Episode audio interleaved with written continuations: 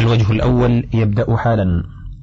هذا هو الشريط الواحد والأربعون من كتاب زاد المعاد في هدي خير العباد. مسجل على شريط من فئة تسعين دقيقة. يقرأه عليكم الدكتور محمد السبيهين. نواصل القراءة فيما تضمنته غزوة تبوك من الفقه والفوائد. فصل. منها أن أهل العهد والذمة إذا أحدث أحد منهم حدثا فيه ضرر على الإسلام انتقض عهده في ماله ونفسه وأنه إذا لم يقدر عليه الإمام فدمه وماله هدر وهو لمن أخذه.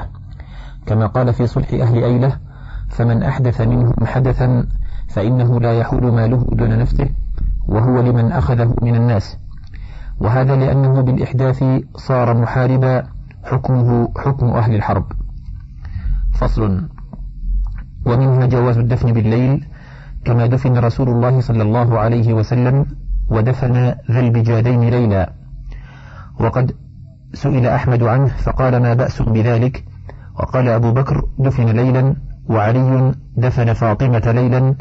وقالت عائشة سمعنا صوت المساحي من آخر الليل في دفن النبي صلى الله عليه وسلم. انتهى. ودفن عثمان وعائشة وابن مسعود ليلا. وفي الترمذي عن ابن عباس أن النبي صلى الله عليه وسلم دخل قبرا ليلا فأسرج له سراج فأخذه من قبل القبلة وقال رحمك الله إن كنت لأواها تلاء للقرآن. قال الترمذي حديث حسن. وفي البخاري أن رسول الله صلى الله عليه وسلم سأل عن رجل فقال من هذا؟ قالوا فلان دفن البارحة فصلى عليه. فإن قيل فما تصنعون بما رواه مسلم في صحيحه أن النبي صلى الله عليه وسلم خطب يوما فذكر رجلا من أصحابه قبض فكفن في كفن غير طائل وقبر ليلا فزجر النبي صلى الله عليه وسلم أن يقبر الرجل بالليل حتى يصلى عليه إلا أن يضطر إنسان إلى ذلك. قال الإمام أحمد إليه أذهب. قيل نقول بالحديثين بحمد الله ولا نرد أحدهما بالآخر فنكره الدفن بالليل بل نزجر عنه إلا لضرورة أو مصلحة راجحة كميت مات مع المسافرين بالليل ويتضررون بالإقامة به إلى النهار وكما إذا خيف على الميت الانفجار ونحو ذلك من الأسباب المرجحة للدفن ليلا وبالله التوفيق. فصل. ومنها أن الإمام إذا بعث سرية فغنمت غنيمة أو أسرت أسيرا أو فتحت حصنا كان ما حصل من ذلك لها بعد تخميسه. فإن النبي صلى الله عليه وسلم قسم ما صالح عليه أكيدر من فتح دومة الجندل بين السرية الذين بعثهم مع خالد وكانوا أربعمائة وعشرين فارسا وكانت غنائمهم ألف بعير وثمانمائة رأس. فأصاب كل رجل منهم خمس فرائض وهذا بخلاف ما إذا أخرجت السرية من الجيش في حال الغزو فأصابت ذلك بقوة الجيش فإن ما أصابوا يكون غنيمة للجميع بعد الخمس والنفل. وهذا كان هديه صلى الله عليه وسلم.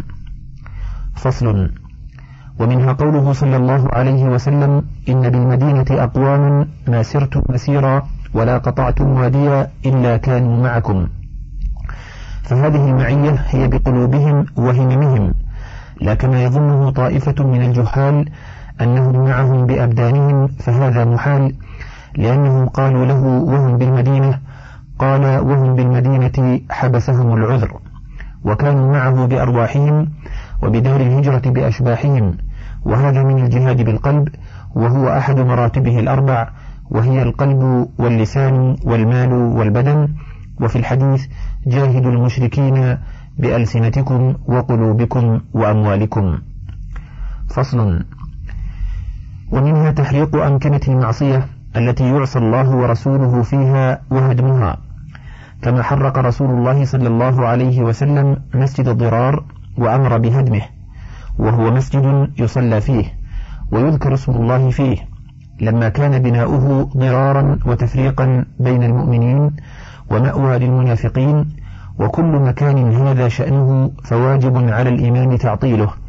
إما بهدم وتحريق وإما بتغيير صورته وإخراجه عما وضع له. وإذا كان هذا شأن مسجد الضرار فمشاهد الشرك التي تدعو سدنتها إلى اتخاذ من فيها أندادا من دون الله أحق بالهدم وأوجب. وكذلك محال المعاصي والفسوق كالحانات وبيوت الخمارين وأرباب المنكرات وقد حرق عمر بن الخطاب قرية بكمالها يباع فيها الخمر وحرق حانوت رويشد الثقفي وسماه فويسقا. وحرق قصر سعد عليه لما احتجب فيه عن الرعية. وهم رسول الله صلى الله عليه وسلم بتحريق بيوت تاركي حضور الجماعة والجمعة. وإنما منعه من فيها من النساء والذرية الذين لا تجب عليهم كما أخبر هو عن ذلك. ومنها أن الوقف لا يصح على غير بر ولا قربة كما لم يصح وقف هذا المسجد وعلى هذا فيهدم المسجد إذا بني على قبر كما ينبش الميت إذا دفن في المسجد. نص على ذلك الإمام أحمد وغيره فلا يجتمع في دين الإسلام مسجد وقبر بل أيهما طرأ على الآخر منع منه.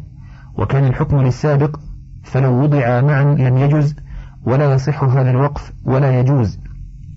ولا تصح الصلاة في هذا المسجد لنهي رسول الله صلى الله عليه وسلم عن ذلك ولعنه من اتخذ القبر مسجدا أو أوقد عليه سراجا. فهذا دين الإسلام الذي بعث الله به رسوله ونبيه وغربته بين الناس كما ترى. فصل.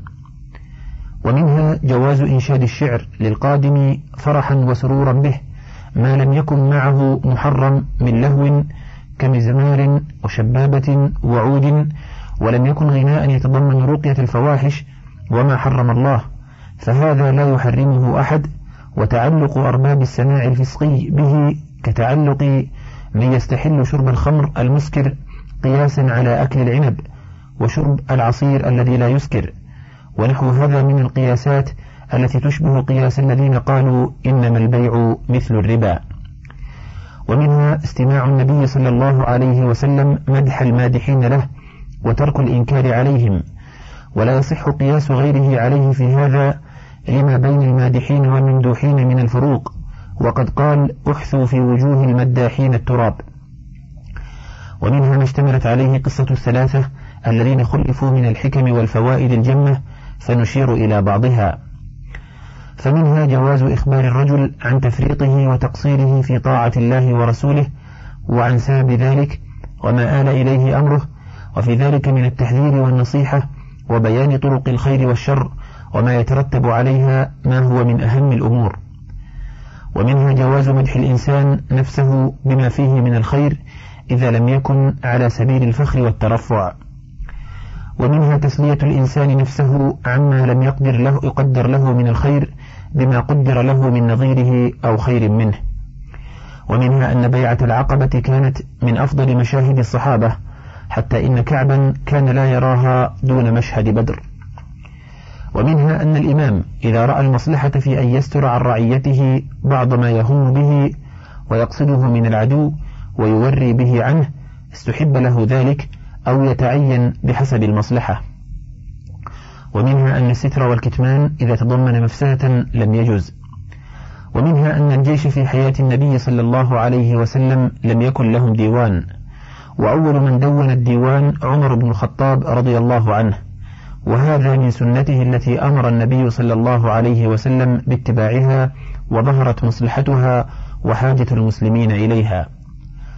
ومنها أن الرجل إذا حضرت له فرصة القربة والطاعة فالحزم كل الحزم في انتهازها والمبادرة إليها والعجز في تأخيرها والتسويف بها ولا سيما إذا لم يثق بقدرته وتمكنه من أسباب تحصيلها فإن العزائم والهمم سريعة الانتقاض قلما ثبتت. والله سبحانه يعاقب من فتح له بابا من الخير فلم ينتهزه بأن يحول بين قلبه وإرادته فلا يمكنه بعد من إرادته عقوبة له. فمن لم يستجب لله ورسوله إذا دعاه حال بينه وبين قلبه وإرادته فلا يمكنه الاستجابة بعد ذلك. قال تعالى يا أيها الذين آمنوا استجيبوا لله وللرسول إذا دعاكم لما يحييكم واعلموا أن الله يحول بين المرء وقلبه.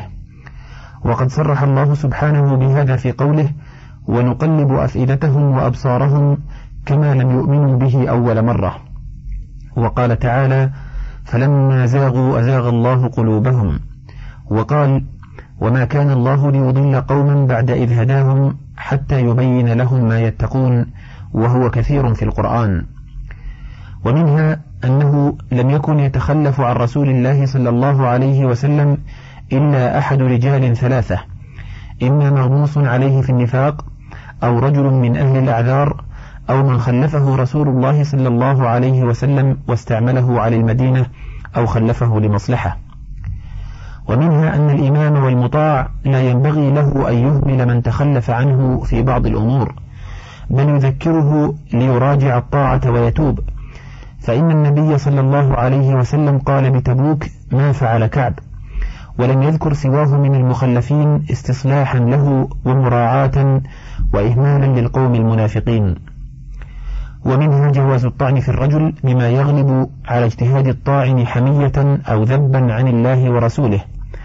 ومن هذا طعن أهل الحديث في من طعنوا فيه من الرواة. ومن هذا طعن ورثة الأنبياء وأهل السنة في أهل الأهواء والبدع لله لا لحظوظهم وأغراضهم. ومنها جواز الرد على الطاعن إذا غلب على ظن الراد أنه وهم وغلط. كما قال معاذ للذي طعن في كعب بئس ما قلت. والله يا رسول الله ما علمنا عليه إلا خيرا ولم ينكر رسول الله صلى الله عليه وسلم على واحد منهما.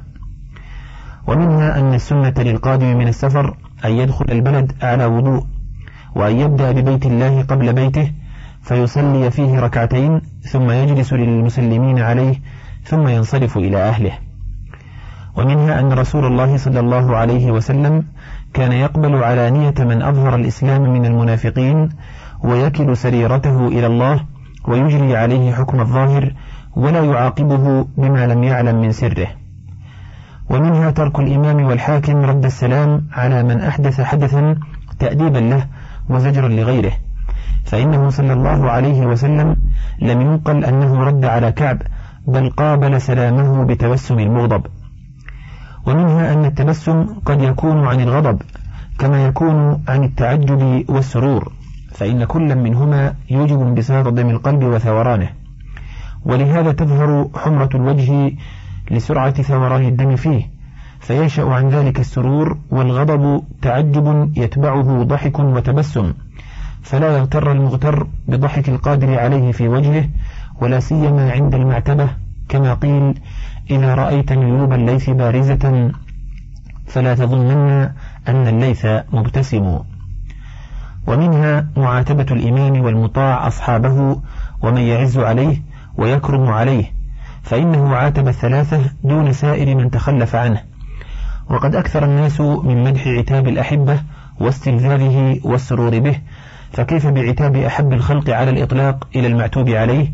ولله ما كان أحلى ذلك العتاب وما أعظم ثمرته وأجل فائدته ولله ما نال به الثلاثة من أنواع المسرات وحلاوة الرضا وخلع القبول. ومنها توفيق الله لكعب وصاحبيه فيما جاءوا به من الصدق ولم يخذلهم حتى كذبوا واعتذروا بغير الحق فصلحت عاجلتهم وفسدت عاقبتهم كل الفساد والصادقون تعبوا في العاجلة بعض التعب فأعقبهم صلاح العاقبة والفلاح كل الفلاح وعلى هذا قامت الدنيا والآخرة فمرارات المبادئ حلاوات في العواقب وحلاوات المبادئ مرارات في العواقب. وقول النبي صلى الله عليه وسلم لكعب أما هذا فقد صدق دليل ظاهر في التمسك بمفهوم اللقب عند قيام قرينة تقتضي تخصيص المذكور بالحكم. كقوله تعالى وداود وسليمان إذ يحكمان في الحرث إذ نفشت فيه غنم القوم وكنا لحكمهم شاهدين. ففهمناها سليمان. وقوله صلى الله عليه وسلم جعلت لي الأرض مسجدا وتربتها طهورا. وقوله في هذا الحديث أما هذا فقد صدق. وهذا مما لا يشك السامع أن المتكلم قصد تخصيصه بالحكم. وقول كعب هل لقي هذا معي أحد؟ فقالوا نعم مرارة بن الربيع وهلال بن أمية. فيه أن الرجل ينبغي له أن يرد حر المصيبة بروح التأسي بمن لقي مثل ما لقي. وقد أرشد سبحانه إلى ذلك بقوله تعالى ولا تهنوا في ابتغاء القوم إن تكونوا تألمون فإنهم يألمون كما تألمون وترجون من الله ما لا يرجون.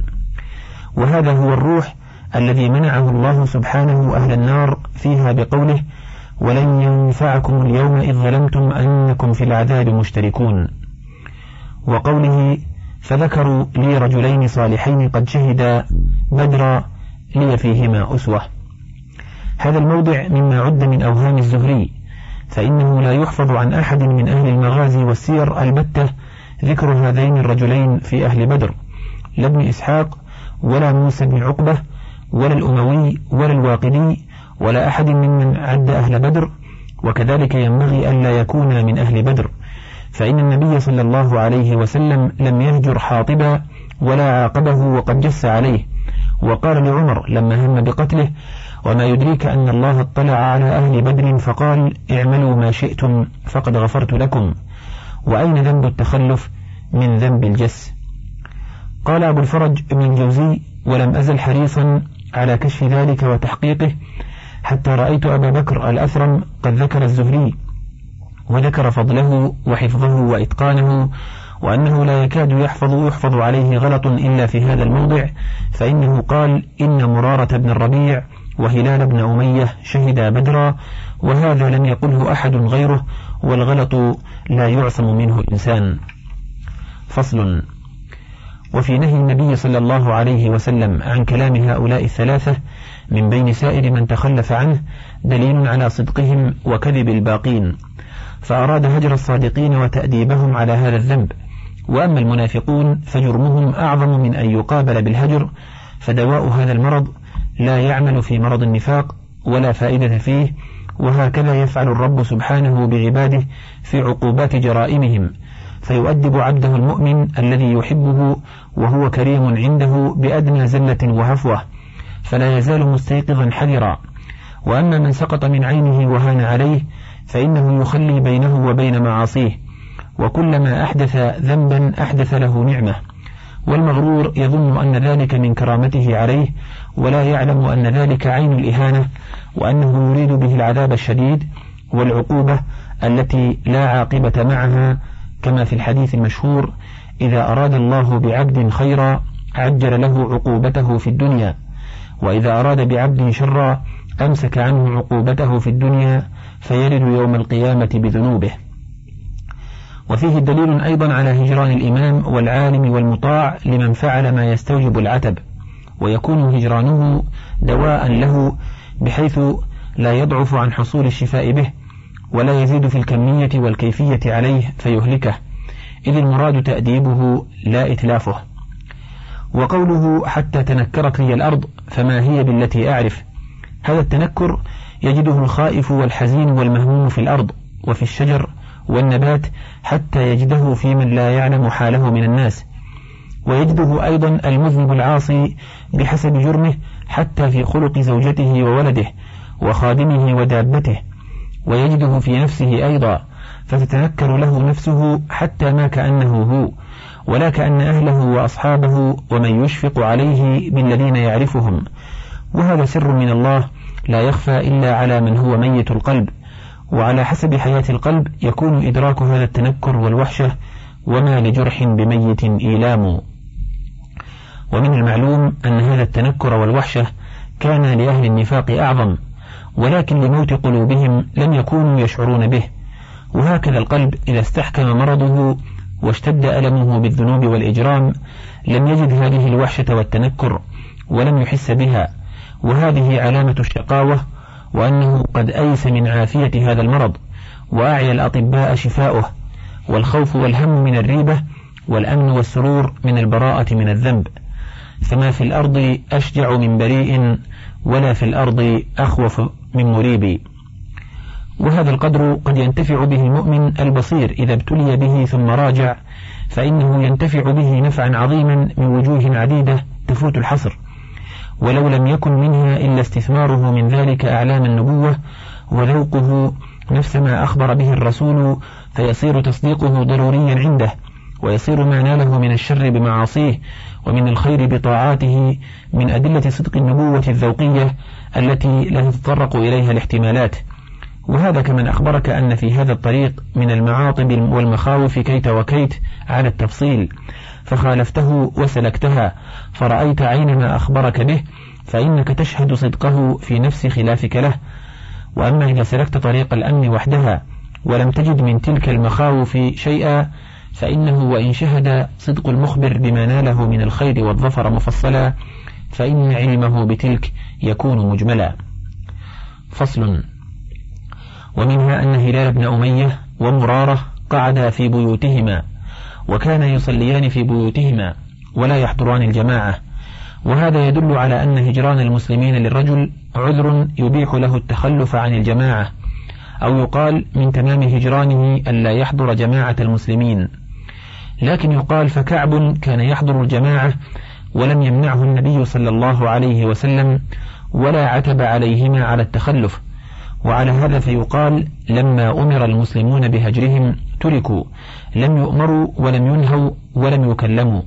فكان من حضر منهم الجماعة لم يمنع ومن تركها لم يكلم أو يقال لعلهما ضعفا وعجزا عن الخروج. ولهذا قال كعب وكنت أنا أجلد القوم وأشبهم. فكنت أخرج فأشهد الصلاة مع المسلمين. وقوله وآتي رسول الله صلى الله عليه وسلم فأسلم عليه وهو في مجلسه بعد الصلاة فأقول هل حرك شفتيه برد السلام علي أم لا؟ فيه دليل على أن الرد على من يستحق الهجر غير واجب إن لو وجب الرد لم يكن بد من إسماعه. وقوله حتى إذا طال ذلك علي تسورت جدار حائط أبي قتادة فيه دليل على دخول الإنسان دار صاحبه وجاره إذا علم رضاه بذلك وإن لم يستأذنه. وفي قول أبي قتادة له الله ورسوله أعلم دليل على أن هذا ليس بخطاب ولا كلام له فلو حلف لا يكلمه فقال مثل هذا الكلام جوابا له لم يحنث ولا سيما إذا لم ينوي به مكالمته وهو الظاهر في حال أبي قتادة. وفي إشارة الناس إلى النبطي الذي كان يقول من يدل على كعب بن مالك دون نطقهم له تحقيق لمقصود الهجر. وإلا فلو قالوا له صريحا ذاك كعب بن مالك لم يكن ذلك كلاما له فلا يكونون به مخالفين للنهي. ولكن لفرط تحريهم وتمسكهم بالأمر لم يذكروه له بصريح اسمه. وقد يقال إن في الحديث عنه بحضرته وهو يسمع نوع مكالمة له. ولا سيما إذا جعل ذلك ذريعة إلى المقصود بكلامه وهو ذريعة قريبة. فالمنع من ذلك من باب منع الحيل وسد الذرائع وهذا أفقه وأحسن.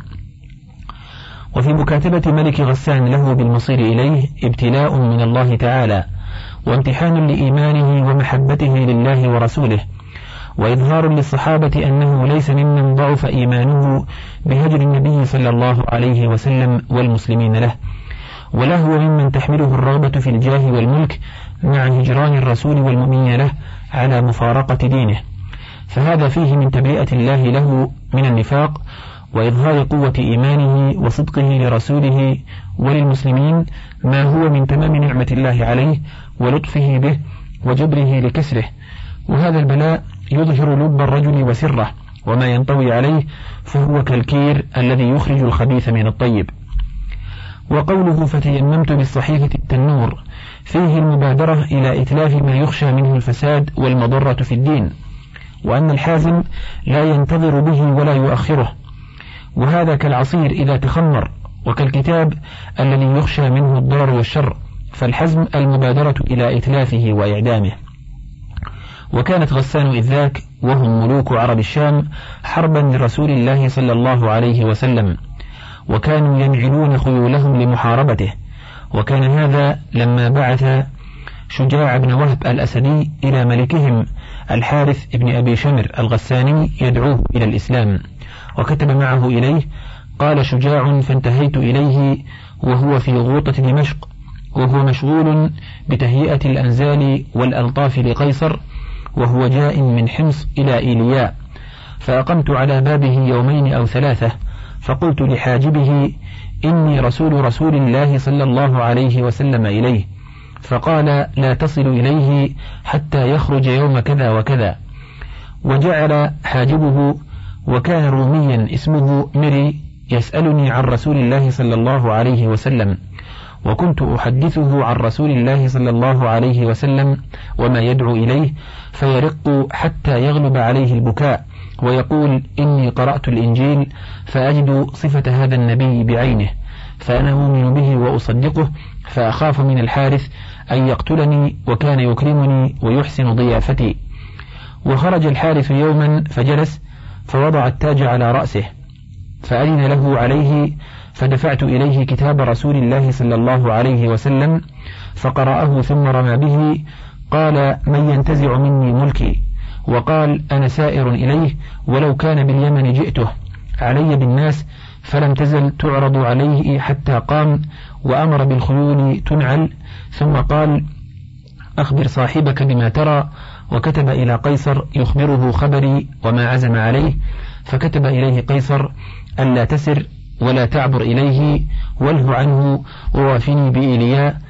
فلما جاءه كتاب كتابه دعاني فقال متى تريد أن تخرج إلى صاحبك؟ فقلت غدا. فأمر لي بمئة مثقال ذهبا. ووصلني حاجبه بنفقة وكسوة وقال اقرأ على رسول الله صلى الله عليه وسلم مني السلام. فقدمت على رسول الله صلى الله عليه وسلم فأخبرته فقال باد ملكه وأقرأته من حاجبه السلام وأخبرته بما قال فقال رسول الله صلى الله عليه وسلم صدق. ومات الحارث بن أبي شمر عام الفتح ففي هذه المدة أرسل ملك غسان يدعو كعبا إلى اللحاق به فأبت له سابقة الحسنى أن يرغب عن رسول الله صلى الله عليه وسلم ودينه. فصل في أمر رسول الله صلى الله عليه وسلم لهؤلاء الثلاثة أن يعتزلوا نساءهم لما مضى لهم أربعون ليلة كالبشارة بمقدمات الفرج والفتح من وجهين. أحدهما كلامه لهم وإرساله إليهم بعد أن كان لا يكلمهم بنفسه ولا برسوله. الثاني من خصوصية أمرهم باعتزال النساء وفيه تنبيه وإرشاد لهم إلى الجد والاجتهاد في العبادة وشد المئزر واعتزال محل اللهو واللذة. والتعوض عنه بالإقبال على العبادة وفي هذا إيذان بقرب الفرج وأنه قد بقي من العتب أمر يسير. وفقه هذه القصة أن زمن العبادات ينبغي فيه تجنب النساء كزمن الإحرام وزمن الاعتكاف وزمن الصيام. فأراد النبي صلى الله عليه وسلم أن يكون آخر هذه المدة في حق هؤلاء بمنزلة أيام الإحرام والصيام في توفرها على العبادة.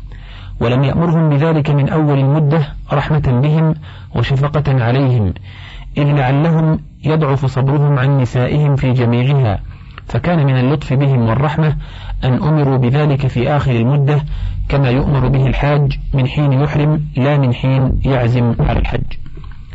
وقول كعب لامرأته الحقي بأهلك دليل على أنه لم يقطع بهذه اللفظة وأمثالها طلاق ما لم ينوه. والصحيح أن لفظ الطلاق والعتاق والحرية كذلك إذا أراد به غير تسييب الزوجة وإخراج الرقيق عن ملكه لا يقع به طلاق ولا عتاق.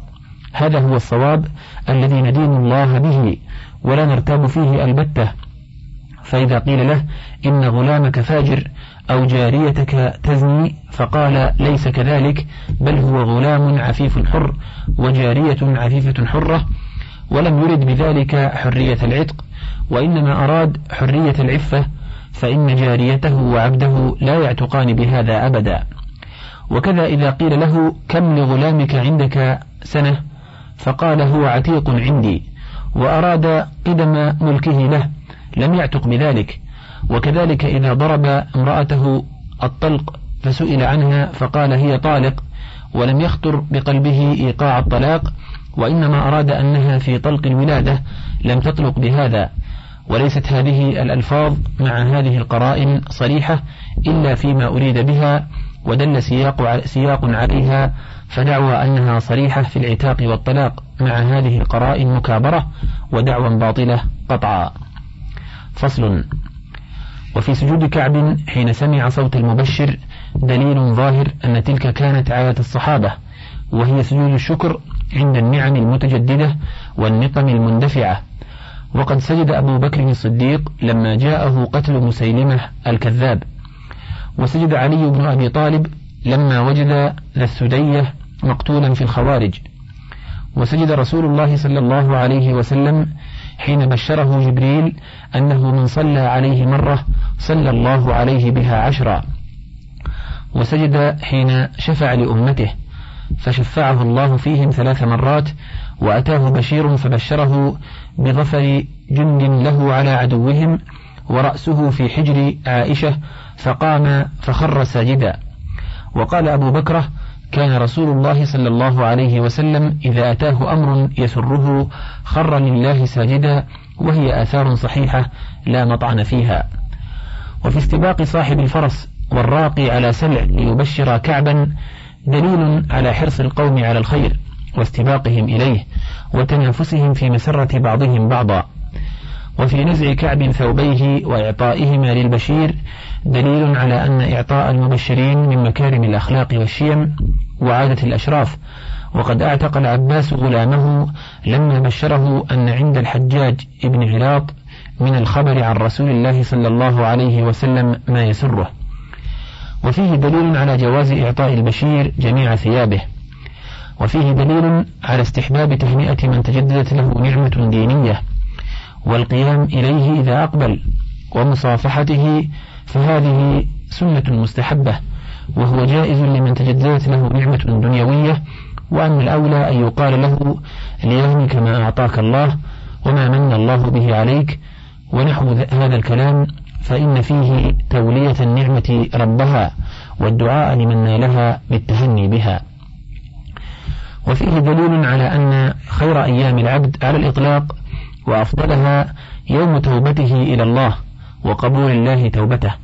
لقول النبي صلى الله عليه وسلم أبشر بخير يوم مر عليك منذ ولدتك أمك. فإن قيل فكيف يكون هذا اليوم خيرا من يوم إسلامه؟ قيل هو مكمل ليوم إسلامه ومن تمامه فيوم إسلامه بداية سعادته ويوم توبته كمالها وتمامها والله المستعان. وفي سرور رسول الله صلى الله عليه وسلم بذلك وفرحه به واستنارة وجهه دليل على ما جعل الله فيه من كمال الشفقة على الأمة والرحمة بهم والرأفة حتى لعل فرحه كان أعظم من فرح كعب وصاحبيه. وقول كعب يا رسول الله إن من توبتي أن أنخلع من مالي دليل على استحباب الصدقة عند التوبة بما قدر عليه من المال. وقول رسول الله صلى الله عليه وسلم أمسك عليك بعض مالك فهو خير لك دليل على أن من نذر الصدقة بكل ماله لم يلزمه إخراج جميعه بل يجوز له أن يبقي له منه بقية. وقد اختلفت الرواية في ذلك. ففي الصحيحين أن النبي صلى الله عليه وسلم قال له أمسك عليك بعض مالك ولن يعين له قدرا بل أطلق ووكله إلى اجتهاده في قدر الكفاية وهذا هو الصحيح. فإن ما نقص عن كفايته وكفاية أهله لا يجوز له التصدق به فنذره لا يكون طاعة فلا يجب الوفاء به. وما زاد على قدر كفايته وحاجته فإخراجه والصدقة به أفضل. فيجب إخراجه إذا نذره. هذا قياس المذهب ومقتضى قواعد الشريعة.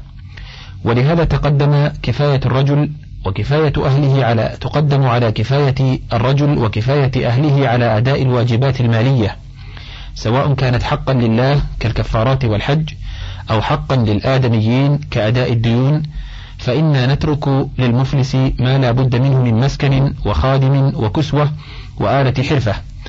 أو ما يتجر به لمؤنته إن فقدت الحرفة. ويكون حق الغرماء فيما بقي. وقد نص الإمام أحمد على أن من نذر الصدقة بماله كله أجزأه ثلثه. واحتج له أصحابه بما روي في قصة كعب هذه أنه قال يا رسول الله إن من توبتي إلى الله ورسوله أن أخرج من مالي كله إلى الله ورسوله صدقة. قال لا. قلت فنصفه؟ قال لا. قلت فثلثه؟ قال نعم. قلت فإني أمسك سهمي الذي بخيبر رواه أبو داود. وفي ثبوت هذا ما فيه فإن الصحيح في قصة كعب هذه ما رواه أصحاب الصحيح من حديث الزهري عن ولد كعب بن مالك عنه أنه قال أمسك عليك بعض مالك من غير تعيين لقدره وهم أعلم بالقصة من غيرهم فإنهم ولده وعنه نقلوها. فإن قيل فما تقولون فيما رواه الإمام أحمد في مسنده أن أبا لبابة ابن عبد المنذر لما تاب الله عليه قال يا رسول الله إن من توبتي أن أهجر دار قومي وأساكنك وأن أنخلع من مالي صدقة لله عز وجل ولرسوله فقال رسول الله صلى الله عليه وسلم يجزئ عنك الثلث قيل هذا هو الذي احتج به أحمد لا بحديث كعب فإنه قال في رواية ابنه عبد الله إذا نذر أن يتصدق بماله كله أو ببعضه وعليه دين أكثر مما يملكه فالذي أذهب إليه أنه يجزئه من ذلك الثلث لأن النبي صلى الله عليه وسلم أمر أبا لبابة بالثلث. وأحمد أعلم بالحديث أن يحتج بحديث كعب هذا الذي فيه ذكر الثلث. إذ المحفوظ في هذا الحديث أمسك عليك بعض مالك. وكأن أحمد رأى تقييد إطلاق حديث كعب هذا بحديث أبي لبابة. وقوله في من نذر أن يتصدق بماله كله أو ببعضه وعليه دين يستغرقه إنه يجزئه من ذلك الثلث دليل على انعقاد نذره. وعليه دين يستغرق ماله ثم إذا قضى الدين أخرج مقدار ثلث ماله يوم النذر. وهكذا قال في رواية ابنه عبد الله إذا وهب ماله وقضى دينه واستفاد غيره فإنه يجب عليه إخراج ثلث ماله يوم حنثه يريد بيوم حنثه يوم نذره فينظر قدر الثلث ذلك اليوم فيخرجه بعد قضاء دينه. وقوله أو ببعضه يريد أنه إذا نذر الصدقة بمعين من ماله أو بمقدار كألف ونحوها فيجزئه ثلثه كنذر الصدقة بجميع ماله. والصحيح من مذهبه لزوم الصدقة بجميع المعين. وفيه رواية أخرى أن المعين إن كان ثلث ماله فما دونه لزمه الصدقة بجميعه وإن زاد على الثلث لزمه منه بقدر الثلث وهي أصح عند أبي البركات. وبعد فإن الحديث ليس فيه دليل على أن كعبا وأبا لبابة نذرا نذرا منجزا وإنما قال إن من توبتهما أن ننخلع من أموالنا. وهذا ليس بصريح في النذر وإنما فيه العزم على الصدقة بأموالهما شكرا لله على قبول توبتهما. فأخبر النبي صلى الله عليه وسلم أن بعض المال يجزئ من ذلك ولا يحتاجان إلى إخراجه كله وهذا كما قال لسعد وقد استأذنه أن يوصي بماله كله فأذن له في قدر الثلث. فإن قيل هذا يدفعه أمران أحدهما قوله يجزئك. والإجزاء إنما يستعمل في الواجب. والثاني أن منعه من الصدقة بما زاد على الثلث دليل على أنه ليس بقربة. إن الشارع لا يمنع من القرب ونذر ما ليس بقربة لا يلزم الوفاء به. قيل أما قوله يجزئك فهو بمعنى يكفيك فهو من الرباعي وليس من جزى عنه إذا قضى عنه. يقال أجزأني إذا كفاني وجزى عني إذا قضى عني. وهذا هو الذي يستعمل في الواجب. ومنه قوله صلى الله عليه وسلم لأبي بردة في الأضحية تجزي عنك ولن تجزي عن أحد بعدك. والكفاية تستعمل في الواجب والمستحب. وأما منعه من الصدقة بما زاد على الثلث فهو إشارة منه عليه بالأرفق به وما يحصل له به منفعة في دينه ودنياه. فإنه لو مكنه من إخراج ماله كله لم يصبر على الفقر والعدم كما فعل بالذي جاءه بالسرة ليتصدق بها فضربه بها ولم يقبلها منه خوفا عليه من الفقر وعدم الصبر. وقد يقال هو أرجح إن شاء الله تعالى إن النبي صلى الله عليه وسلم عامل كل واحد ممن أراد الصدقة بماله بما يعلم من حاله. فمكن أبا بكر الصديق من إخراج ماله كله وقال ما أبقيت لأهلك؟ فقال أبقيت لهم الله ورسوله فلم ينكر عليه. وأقر عمر على الصدقة بشطر ماله ومنع صاحب السرة من التصدق بها وقال لكعب أمسك عليك بعض مالك. وهذا ليس فيه تعيين المخرج بأنه الثلث ويبعد جدا بأن يكون الممسك ضعفي المخرج في هذا اللفظ. وقال لأبي لبابة يجزئك الثلث ولا تناقض بين هذه الأخبار. وعلى هذا فمن نذر الصدقة بماله كله أمسك منه ما يحتاج إليه هو وأهله. ولا يحتاجون معه إلى سؤال الناس مدة حياتهم من رأس مال أو عقار أو أرض يقوم مغلها بكفايتهم وتصدق بالباقي والله أعلم. وقال ربيعة بن أبي عبد الرحمن يتصدق منه بقدر الزكاة ويمسك الباقي. وقال جابر بن زيد إن كان ألفين فأكثر أخرج عشره وإن كان ألفا فما دونه فسبعه وإن كان خمسمائة فما دونه فخمسة. وقال أبو حنيفة رحمه الله يتصدق بكل ماله الذي تجب فيه الزكاة وما لا تجب فيه الزكاة ففيه روايتان أحدهما يخرجه والثانية لا يلزمه منه شيء. وقال الشافعي تلزمه الصدقة بماله كله. وقال مالك والزهري وأحمد يتصدق بثلثه وقال الطائفة يلزمه كفارة يمين فقط. فصل. ومنها علم مقدار الصدق وتعليق سعادة الدنيا والآخرة والنجاة من شرهما به. فما أنجى الله من أنجاه إلا بالصدق ولا أهلك من أهلكه إلا بالكذب. وقد أمر الله سبحانه عباده المؤمنين أن يكونوا مع الصادقين. فقال يا أيها الذين آمنوا اتقوا الله وكونوا مع الصادقين. وقد قسم سبحانه الخلق إلى قسمين سعداء وأشقياء. فجعل السعداء هم أهل الصدق والتصديق والأشقياء هم أهل الكذب والتكذيب. وهو تقسيم حاصر مضطرد منعكس. فالسعادة دائرة مع الصدق والتصديق والشقاوة دائرة مع الكذب والتكذيب. وأخبر سبحانه وتعالى أنه لا ينفع العباد يوم القيامة إلا صدقهم. وجعل علم المنافقين الذي تميزوا به هو الكذب في أقوالهم وأفعالهم. فجميع ما نعاه عليهم أصله الكذب في القول والفعل. فالصدق بريد الإيمان ودليله ومركبه وسائقه وقائده وحليته ولباسه بل هو لبه وروحه. والكذب بريد الكفر والنفاق ودليله ومركبه وسائقه وقائده وحليته ولباسه ولبه فمضاده فمضادة الكذب للإيمان كمضادة الشرك للتوحيد فلا يجتمع الكذب والإيمان إلا ويطرد أحدهما صاحبه ويستقر موضعه. والله سبحانه أنجى الثلاثة بصدقهم وأهلك غيرهم من المخلفين بكذبهم فما أنعم الله على بعد بعد الإسلام بنعمة أفضل من الصدق الذي هو غذاء الإسلام وحياته ولا ابتلاه ببنية أعظم من الكذب الذي هو مرض الإسلام وفساده والله المستعان. وقوله تعالى لقد تاب الله على النبي والمهاجرين والأنصار الذين اتبعوه في ساعة العسرة.